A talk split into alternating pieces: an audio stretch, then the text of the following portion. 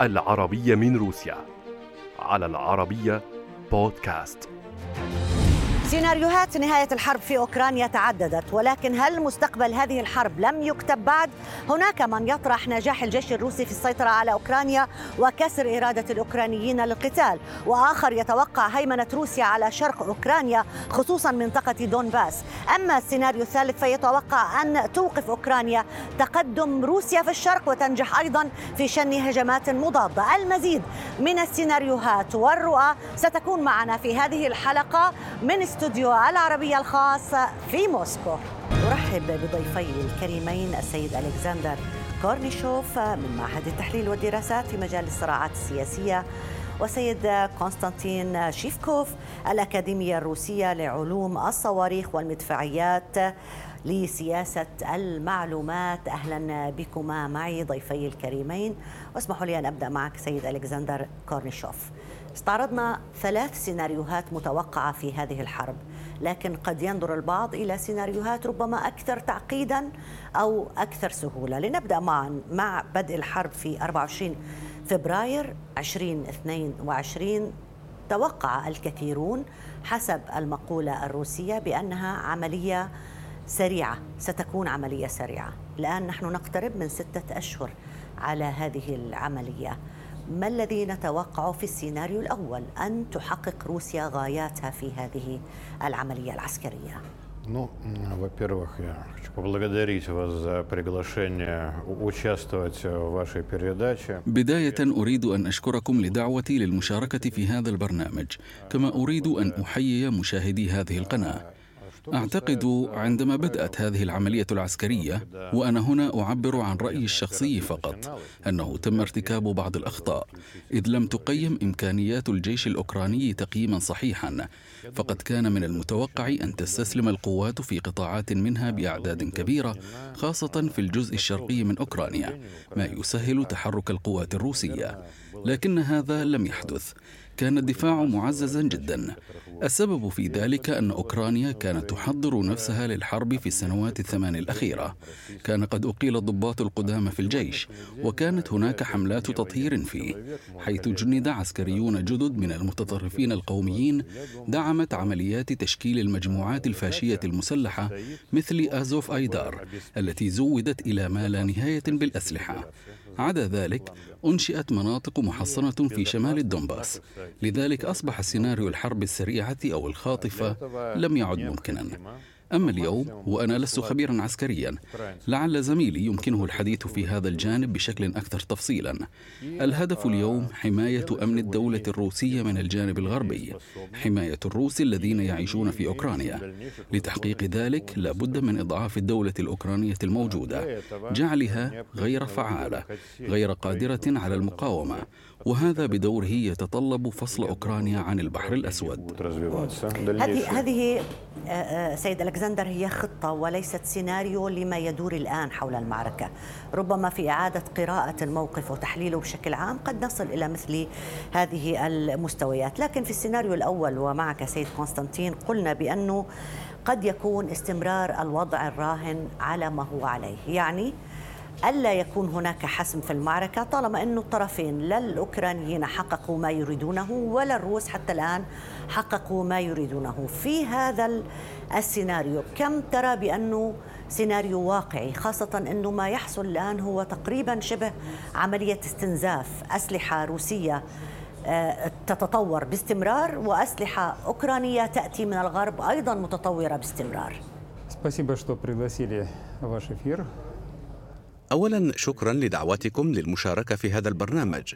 أحيي مشاهدي العربية والعاملين فيها. أريد القول في هذا المجال إن السلاح الغربي يسهم طبعا في تغيير معالم هذه الحرب. لكن هذه المساهمة تبقى ضعيفة.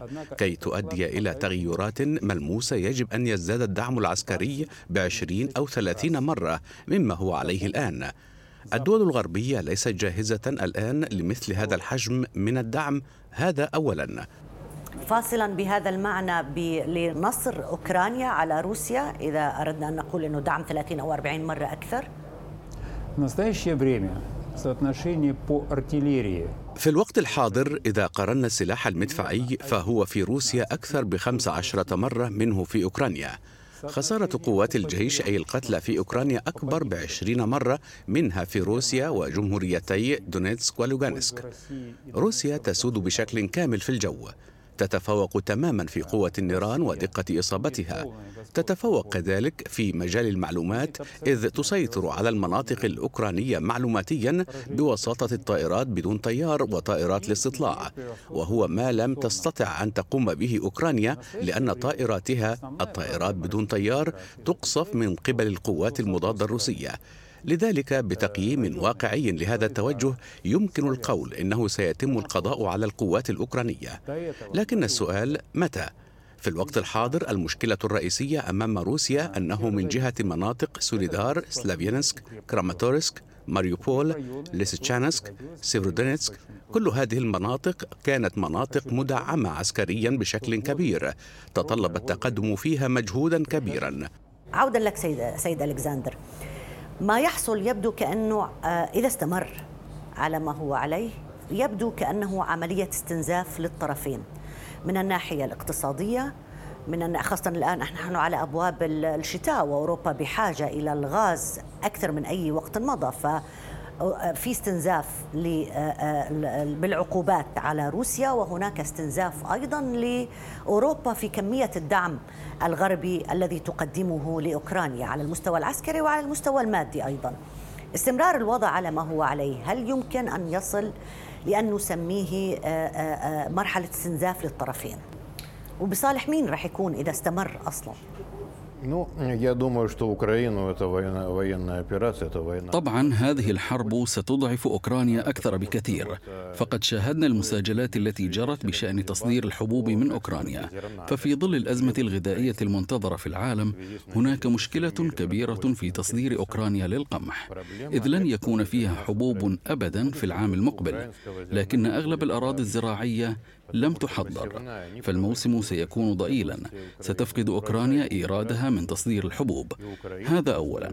ثانيا شارفت اليوم شركة نفط غاز أوكرانيا على الإفلاس وهي الشركة التي توزع الغاز أي تعمل على تدفئة المباني. تشكو أن الغاز لن يكفي في الشتاء المقبل لتدفئة أبنية السكن. هذا عدا الحاجات الأخرى. ثالثا شهد جميعنا أن الرئيس الأمريكي بايدن وعد أن يدعم أوكرانيا بأربعين مليار دولار. الجزء الأكبر من هذه الأموال سيكون على شكل أسلحة متنوعة. أما ما يتبقى فلا يكفي لتغطية الحاجات الاجتماعية الملحة في أوكرانيا مثل رواتب التقاعد ودفع رواتب الموظفين وحتى ضباط الجيش. من الواضح أن الولايات المتحدة لا تستطيع أن تقدم لأوكرانيا 40 مليار دولار سنويا. حتى بالنسبة لروتشيل تعتبر هذه أموالا طائلة. سيكون من مظاهر الترف المفرط أن تقدم هذا المبلغ كل عام. لذلك يمكننا أن ننتظر انهيار الاقتصاد الأوكراني في ربيع العام المقبل. أنا معك ولكن كأننا نتحدث فقط عن خسائر للجانب الأوكراني. لكن صحيح نحن لدينا حلقة خاصة عن الاقتصاد ولكن لابد لنا أن نذكر الآن بأنه حتى الاقتصاد الروسي أصبح يعاني في عقوبات اقتصادية على روسيا. إلى أي مدى يمكن أن تتحمل روسيا استمرار الحرب لمدة أطول لمدة طويلة يعني نتحدث عن شتاء قادم وش... وأكثر من شتاء قادم إذا أردنا. من الصعب الآن أن نتوقع توقعات طويلة المدى ولكني أعتقد أن هامش الأمان كبير جدا لدى روسيا. قد توقع الخبراء منهم من هو عدائي بنظرته لروسيا أن انهيارا اقتصاديا ينتظرها في نهاية هذا الصيف أي أن ترتفع الأسعار ثلاثة أو أربع مرات أكثر مما هي عليه. أن تتفاقم البطالة لتصبح جماعية أن يدمر وسط العمل المتوسط والصغير وتنتشر إقالة الناس من وظائفهم. حتى الآن لا نرى شيئا من ذلك. هل هناك اتفاق على أهداف روسيا أهداف العملية العسكرية الروسية في أوكرانيا؟ الأهداف التي تتعلق بالأوضاع داخل أوكرانيا أولا Цель России на Украине حدد الرئيس الروسي بدقة أهداف روسيا في أوكرانيا. أهمها القضاء على النازية في أوكرانيا. هذا ما حدث سابقا مع ألمانيا الهتلرية بعد هزيمتها. أي أن الحديث يدور حول استسلام النظام الأوكراني والقضاء على جميع العصابات والمنظمات النازية الموجودة على هذه الأراضي. مع القضاء فيما بعد على أسس الأيديولوجية النازية نفسها في أوكرانيا. وهذا ما سيتم القيام به. إنه الهدف النهائي لروسيا الفيدرالية. لا يمكن لأي شيء أن يعيق روسيا عن الوصول إلى هذا الهدف. هل روسيا سيد ألكسندر مستعدة للخوض حتى النهاية لتحقيق هذا الهدف؟ وهنا هل نتحدث فقط عن اتفاقية بأي شكل من الأشكال مع زيلينسكي مع القيادة الأوكرانية أم أنها يجب أن تشمل البعد الآخر مع الولايات المتحدة الأمريكية مع الدول الغربية لنصل إلى هذا الاتفاق؟ أظن أن زيلينسكي لن يتفق أبدا مع روسيا وأنت على حق في القول إن الاتفاق قد يكون مع الولايات المتحدة والعالم الغربي. للأسف الشديد لا يمكن أن تجرى أي محادثات بناءة مع هؤلاء الناس الموجودين اليوم في السلطة الأوكرانية.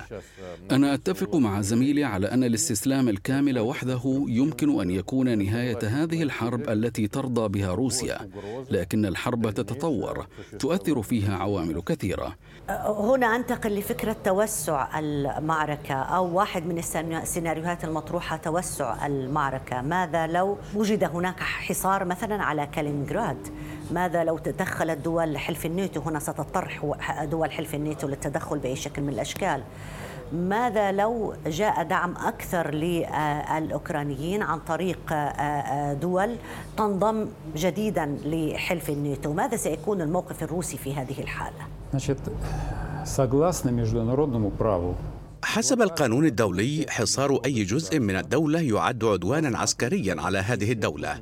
لذلك أي حصار على منطقة كالينغراد يعد عملا عدوانيا عسكريا ضد روسيا. من حق روسيا حسب المنطق العسكري المتعارف عليه على أساس السياسة الدولية في إطار الردع النووي أن تستخدم جميع الوسائل والقوى من أجل فك الحصار. هناك طرق كثيرة لتحقيق ذلك منها اختراق الحصار بقوات برية عبر كاريدروسوالك أو بضرب القوات المعادية في بحر البلطيق. الاتصال مع كالينغراد عن طريق البحر بشكل أو بآخر سنقوم بفك الحصار. أما ما يتعلق بتدخل الناتو الغرب يعلم أن تدخل الناتو في حرب ضد روسيا يرفع بشكل كبير احتمال نشوب حرب نووية. الولايات المتحدة والدول الغربية تعلم جيدا أنه في حال نشوب هذه الحرب وإذا وصل الأمر لاستخدام السلاح النووي فمن المؤكد أن أوروبا ستفقد وجودها بعكس روسيا. لأنه في حال الحرب النووية هناك عاملان مهمان فقط. عدد الرؤوس النووية ومساحة أراضي البلاد. مساحة أوروبا تعادل تقريبا واحدا من عشرة من مساحة روسيا أي عشرة في المئة منها. لذلك سيكون الفوز إلى جانب روسيا خاصة أن الهدف لن يكون القضاء على أوروبا كاملة وإنما على تلك الدول منها التي ستعتدي على أمن ووحدة أراضي روسيا. روسيا بلا شك ستكون جاهزة لاستخدام السلاح النووي. هل روسيا لديها القدرة؟ القدرة بعيدا عن القدرة النووية دون الحديث عن القدرة النووية. نووية أو حرب عالمية ثالثة. هل لديها القدرة على صد أي نوع من, من, من, من هذا التدخل؟ القدرة العسكرية والقدرة الداخلية أيضا. يعني هذا الدعم الداخلي الذي سيكون للرئيس بوتين في هذه الحالة. روسيا بلا شك تستطيع تدمير قطع الناتو العسكرية التي ستحاول الاعتداء على بلدنا. لكن في هذه الظروف قد يلجأ الأوروبيون لاستخدام السلاح النووي وعند ذلك سترد روسيا. يجب الأخذ بعين الاعتبار أن أمريكا أعطت الحق لطائرات باستخدام السلاح النووي. هذا هو المهم في الأمر. هذا سيناريو متشائم كثيرا. أن نصل إلى حرب نووية عالمية. لكن ما زلنا نتحدث في إطار ربما محاولة إيجاد سيناريو ما للتسوية بين الطرفين. وهنا نعود ونسأل السؤال الرئيسي. ما الذي يرضي الرئيس بوتين في حال قررت الأطراف الجلوس على الطاولة؟ في حال وقع النظام الأوكراني الحالي على وثيقة استسلام كامل حل الجيش تماما وضع تحت الإشراف العسكري الروسي ليس بالضرورة أن تصبح جزءا من الأرض الروسية إنما تحت السيطرة العسكرية فقط. الأراضي التي ستكون ضرورية لنا لاستثناء الخطر الذي قد يهدد أمننا القومي هي جنوب أوكرانيا. مرافئ نيكولايف وأوديسا ودنيبروبتروفسك وزابوروجيا وخاركيف. أي المناطق حتى نهر الدنيبر يمكن عقد اتفاق شبيه باتفاق فرساي السلمي عام 1919 الذي منع ألمانيا أن تكون لديها قوات مسلحة قادرة على الحرب وقوات عسكرية بحرية وجوية. وجزء من الأراضي الألمانية هي مقاطعة راينلاند التي شغلتها قوات التحالف. لكن نظام زيلينسكي لن يسلم بهذه الشروط أبدا. إذا حققت روسيا هذا البند. آه، هل هناك أي ضمانات أن روسيا ما تتدخل بدول أخرى أيضا بحجج حماية الروس الموجودين على أراضيها؟ يعني آه، آه، الجمهوريات السوفيتية السابقة مثلا. هل هناك أي ضمانات أن روسيا لا توسع نفوذها في هذه المناطق أن لا يكون هناك حرب جديدة. أعتقد أن هذه الضمانات موجودة. فروسيا لم تتدخل بشؤون أوكرانيا الداخلية قبل عام 2014 عندما حدث فيها ما سمي بثورة الميدان. أطيح بحكومة يانوكوفيتش وكيفما كان رأينا بهذا الرئيس فقد كان رئيسا شرعيا. أطيح بحكومته بانقلاب عسكري. روسيا آنذاك لم تتدخل ولكن بعد أن أعلنت الحكومة الجديدة غير القانونية غير المنتخبة بالتالي غير الشرعية عن خططها بالانضمام إلى الناتو واستقبال قاعدة عسكرية أمريكية في القرم ما يعني سحب أسطول البحر الأسود الروسي من هناك. غير قانوني أم ليس مواليا لروسيا بالمطلق هو ولاء أكثر للغرب أو اتجاه غربي أكثر؟ أنا أتحدث عن الوضع عام 2014 ليس الحالي إنما آنذاك حيث استمر نظام غير شرعي أبدا في حكم البلاد مدة نصف العام. عندما أطيح بالرئيس يانوكوفيتش حتى الانتخابات التي تلت ذلك حكم البلاد أناس لم ينتخبوا من قبل أحد. كانوا من كبار الأثرياء مثل بوروشينكو وتيموشينكو وغيرهما. الرئيس الحالي من وجهة نظري لا يعد رئيسا شرعيا بكامل معنى معنى الكلمة لأنه وصل إلى السلطة تحت شعارات السلام. فقد وعد بالسلام مع روسيا بإنهاء القتال في الدنباس لذلك اختاره الشعب الأوكراني الذي تعب آنذاك من الحرب في الدنباس لكنه بعد أشهر من استلامه الحكم ذهب إلى الدنباس والتقى بعض زعماء العصابات الفاشية المسلحة مثل أزوف. هؤلاء بدورهم قالوا له إنهم سيستمرون بالحرب وقتل الناس ما شاءوا. إنه إذا وقف في وجههم فسوف يهاجم يهاجمون كييف. أي أنه فقد السيطرة عليهم. بات تابعا لهم.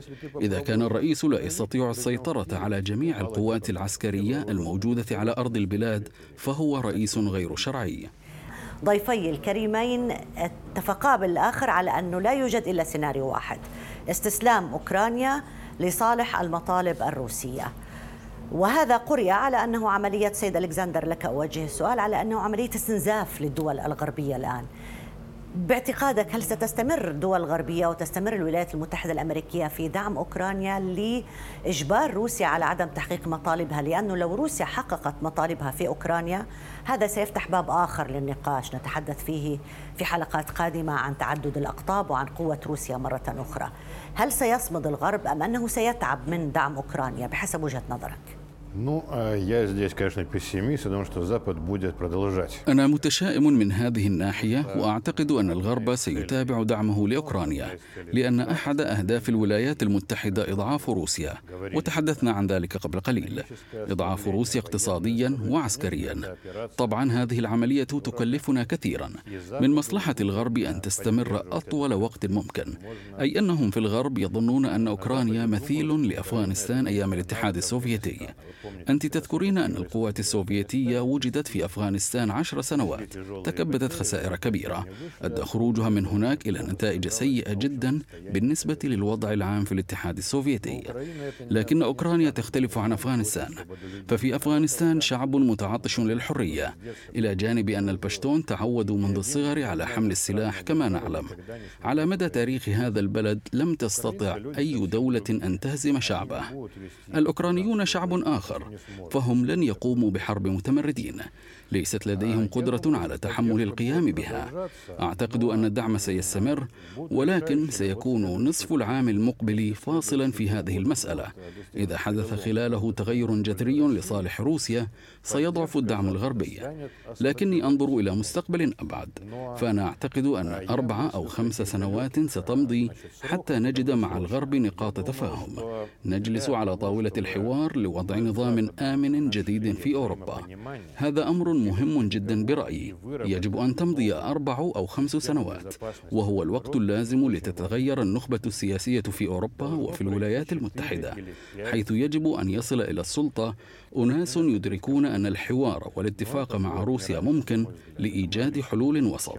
هذا رأيي الشخصي. آه، آه، يعني خمس سنوات آه، في ظل هذه الأوضاع العالمية لن تكون سهلة ولا على أي أحد. ستكون قاسية على الدول الغربية وقاسية على روسيا أيضا بالمقابل. وسؤالي لك سيد قسطنطين عن السيناريو الأكثر تشاؤما والذي يتحدث عن حرب عالمية ثالثة ربما. في ظل محاولة قراءة هذا التصعيد الذي يحدث في آه، في آسيا فيما يتعلق بتايوان الآن فيما يتعلق بالصين. أولا كم يمكن للصين أن تبقى على توافق مع روسيا برأيك؟ بداية عن الحرب العالمية الثالثة في الوقت الحالي يمكن القول إن مؤشراتها نضجت تماما لكن تغيب حتى الآن العوامل الموضوعية لبدء الحرب. حتى يبدأ الغرب هذه الحرب يجب أن يملك شعب الحرب أيديولوجيتها وحزبها. اليوم تغيب كل هذه العوامل. إلى جانب ذلك أريد القول مؤيدا رأي زميلي. إن الحرب في أوكرانيا ذات طبيعة جيوسياسية هدفها وضع روسيا تحت السيطرة ليس إلا. إذا عدنا للحديث عن الحرب العالمية الثالثة نجد أن احتمال نشوبها غير كبير ابدا. ولكن أمريكا والغرب بشكل عام سيحاولان إشعال الصراعات حول روسيا محيطين بها لسحب قواتها من أوكرانيا. لذلك يزداد اليوم التوتر التوتر بين صربيا وكوسوفو. وفي ناغورنو كاراباخ تثير الأمريكيين استفزازات في تايوان. تحركاتها هناك ليست إلا عمليات استفزاز قذرة. لقد شهدنا ذلك بزيارة نانسي بيلوسي. يحضر كذلك لتوتر جدي بين دول آسيا الوسطى عن طريق إرسال بقايا ما سمي بالدولة الإسلامية الممنوعة في روسيا. هذا هو المشهد الذي سنراه. أي سلسلة من الصراعات المتفرقة لا تستثني كذلك المواجهات خاصة في الشمال في منطقة القطب الشمالي في بحر البلطيق والبحر الأسود حيث الأسطول الحربي الروسي أو حتى مواجهات في شرق البحر المتوسط في سوريا مثلا. أي بهذا الشكل احتمال تعدد الصراعات التي يمكن أن تنطلق في أي من هذه المناطق بشكل غير محدد والهدف منها سحب القوات الروسية من أوكرانيا. الذي ادى بان روسيا تقوم بهذه العمليه العسكريه التي قالت بانها تكون سريعه وخاصه في اوكرانيا. هل له علاقه بالاداره الامريكيه الحاليه؟ هل هناك آه، سيد الكسندر حقيقه يعني آه، نظرة استضعاف للولايات المتحدة الأمريكية بحكم بايدن بحيث قام بحيث قام آه، بوتين بهذه العملية الآن Ну, вы понимаете, это очень сложный вопрос. أنت تعلمين أن هذا السؤال الذي تطرحينه صعب جدا. الولايات المتحدة لا تعد دولة ضعيفة، فهي ذات إمكانيات عسكرية واقتصادية وسياسية كبيرة جدا. ولكن من المؤسف للأمريكيين أن النخبة السياسية التي قادت أمريكا في العقد الأخير أضعفتها. الأمريكيون منذ أن احتلوا أفغانستان عام 2001 وكذلك في عام 2003 عندما دخلوا العراق أثاروا سلسلة من الصراعات العسكرية المتفرقة وبالتالي أضعفوا أنفسهم نتيجة التدخل العسكري المباشر من قبل القوات الأمريكية في هذه الصراعات. لا يمكن أن أتفق معك ولا بحال من الأحوال أن الولايات المتحدة الأمريكية أصبحت ضعيفة بعملياتها العسكرية هنا وهناك. هناك قرار سياسي لدى الولايات المتحدة الأمريكية بأنها لا تريد التدخل في حروب لذلك قرروا الانسحاب من أفغانستان والانسحاب من العراق أو من منطقة الشرق الأوسط. أه، لكن لو استفزت الولايات المتحدة الأمريكية لدخول حرب ما ستدخل حرب. هل روسيا مستعدة لهذا الصراع الكبير بينها وبين الولايات المتحدة الأمريكية؟ أم أن الأمور ستبقى بين مناوشات هنا وهناك على حدود البلدين؟ أظن أنه لا توجد أي دلائل على اقتراب مثل هذه الحرب. حتى الآن استراتيجية أمريكا تتجلى في إثارة الحروب بأيدي غيرها. بالعربية حروب بالوكالة. تشكل أوكرانيا اليوم ساحة معركة للولايات المتحدة. في نفس الوقت تعد القوة المحركة لسياسة أمريكا ضد روسيا. هذا مع العلم أنه لا فرق عند أمريكا. ستحافظ أوكرانيا على وجودها كدولة أم لا؟ كم قتل من الأوكرانيين كم سيبقى منهم قد يقتل أو يهاجر أكثر من نصف سكانها. هذا كله غير مهم بالنسبة لأمريكا. المهم بالنسبة لها إضعاف روسيا. فهي لا تكترث بوحدة الأراضي الأوكرانية مثلا أو بمصالحها الوطنية.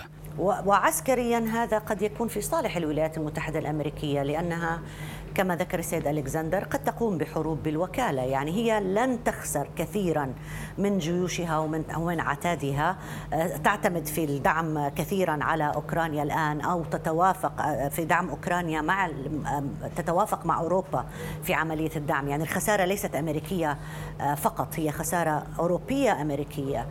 لكن روسيا تدفع من جيبها. هل ستستطيع أن تصمد روسيا؟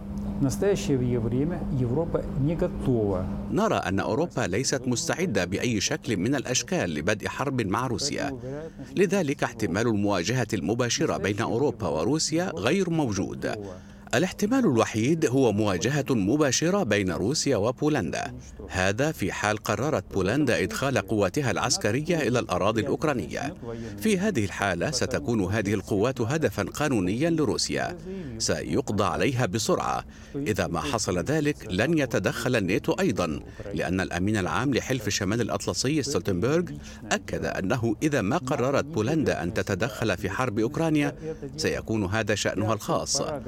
وقوات الناتو لن تتدخل والبند الخامس من اتفاق شمال الأطلسي لن يفعل في هذه الحالة ما يعني أن بولندا ستواجه روسيا وحدها. استراتيجية أمريكا والناتو تجعل من الواضح أن المواجهة المباشرة مع روسيا ستؤدي إلى توقع حرب نووية. لأنه لا يريد أن يدخل حرب شاملة مع روسيا. أقصد أنا أنه روسيا هي التي تدفع الثمن لأن روسيا التي تدخل الحروب أما الولايات المتحدة الأمريكية فهي تشرف من بعيد على هذه الحرب. كم روسيا مستعدة للاستمرار؟ وباختصار لو سمحت سؤالي الأخير. خسائر روسيا ضئيلة جدا. إذا كان عدد جنود القوات الروسية المشاركة عند بداية الحرب 120 ألف جندي إلى جانبهم 80 ألفا من القوات البوليسية في جمهوريتي دونيتسك ولوغانسك أي مجموع القوات 100 ألف فعدد الشهداء من دونيتسك ولوغانسك حسب المعطيات الرسمية خمسة آلاف ونصف فقط. هذا قليل جدا في ظروف هذه الحرب. واضحة, واضحة وجهة النظر أنه, أنه روسيا مستعدة للاستمرار حتى النهاية. شكرا جزيلا لك سيد كونستانتين سيفكوف الأكاديمية الروسية لعلوم الصواريخ والمدفعية لسياسة المعلومات. شكرا. شكرا جزيلا لك سيد ألكسندر كورنيشوف. معهد التحليل والدراسات في مجال الصراعات السياسية. ألف شكر. وبهذا مشاهدينا الكرام انتهت هذه الحلقة من استوديو العربية في موسكو.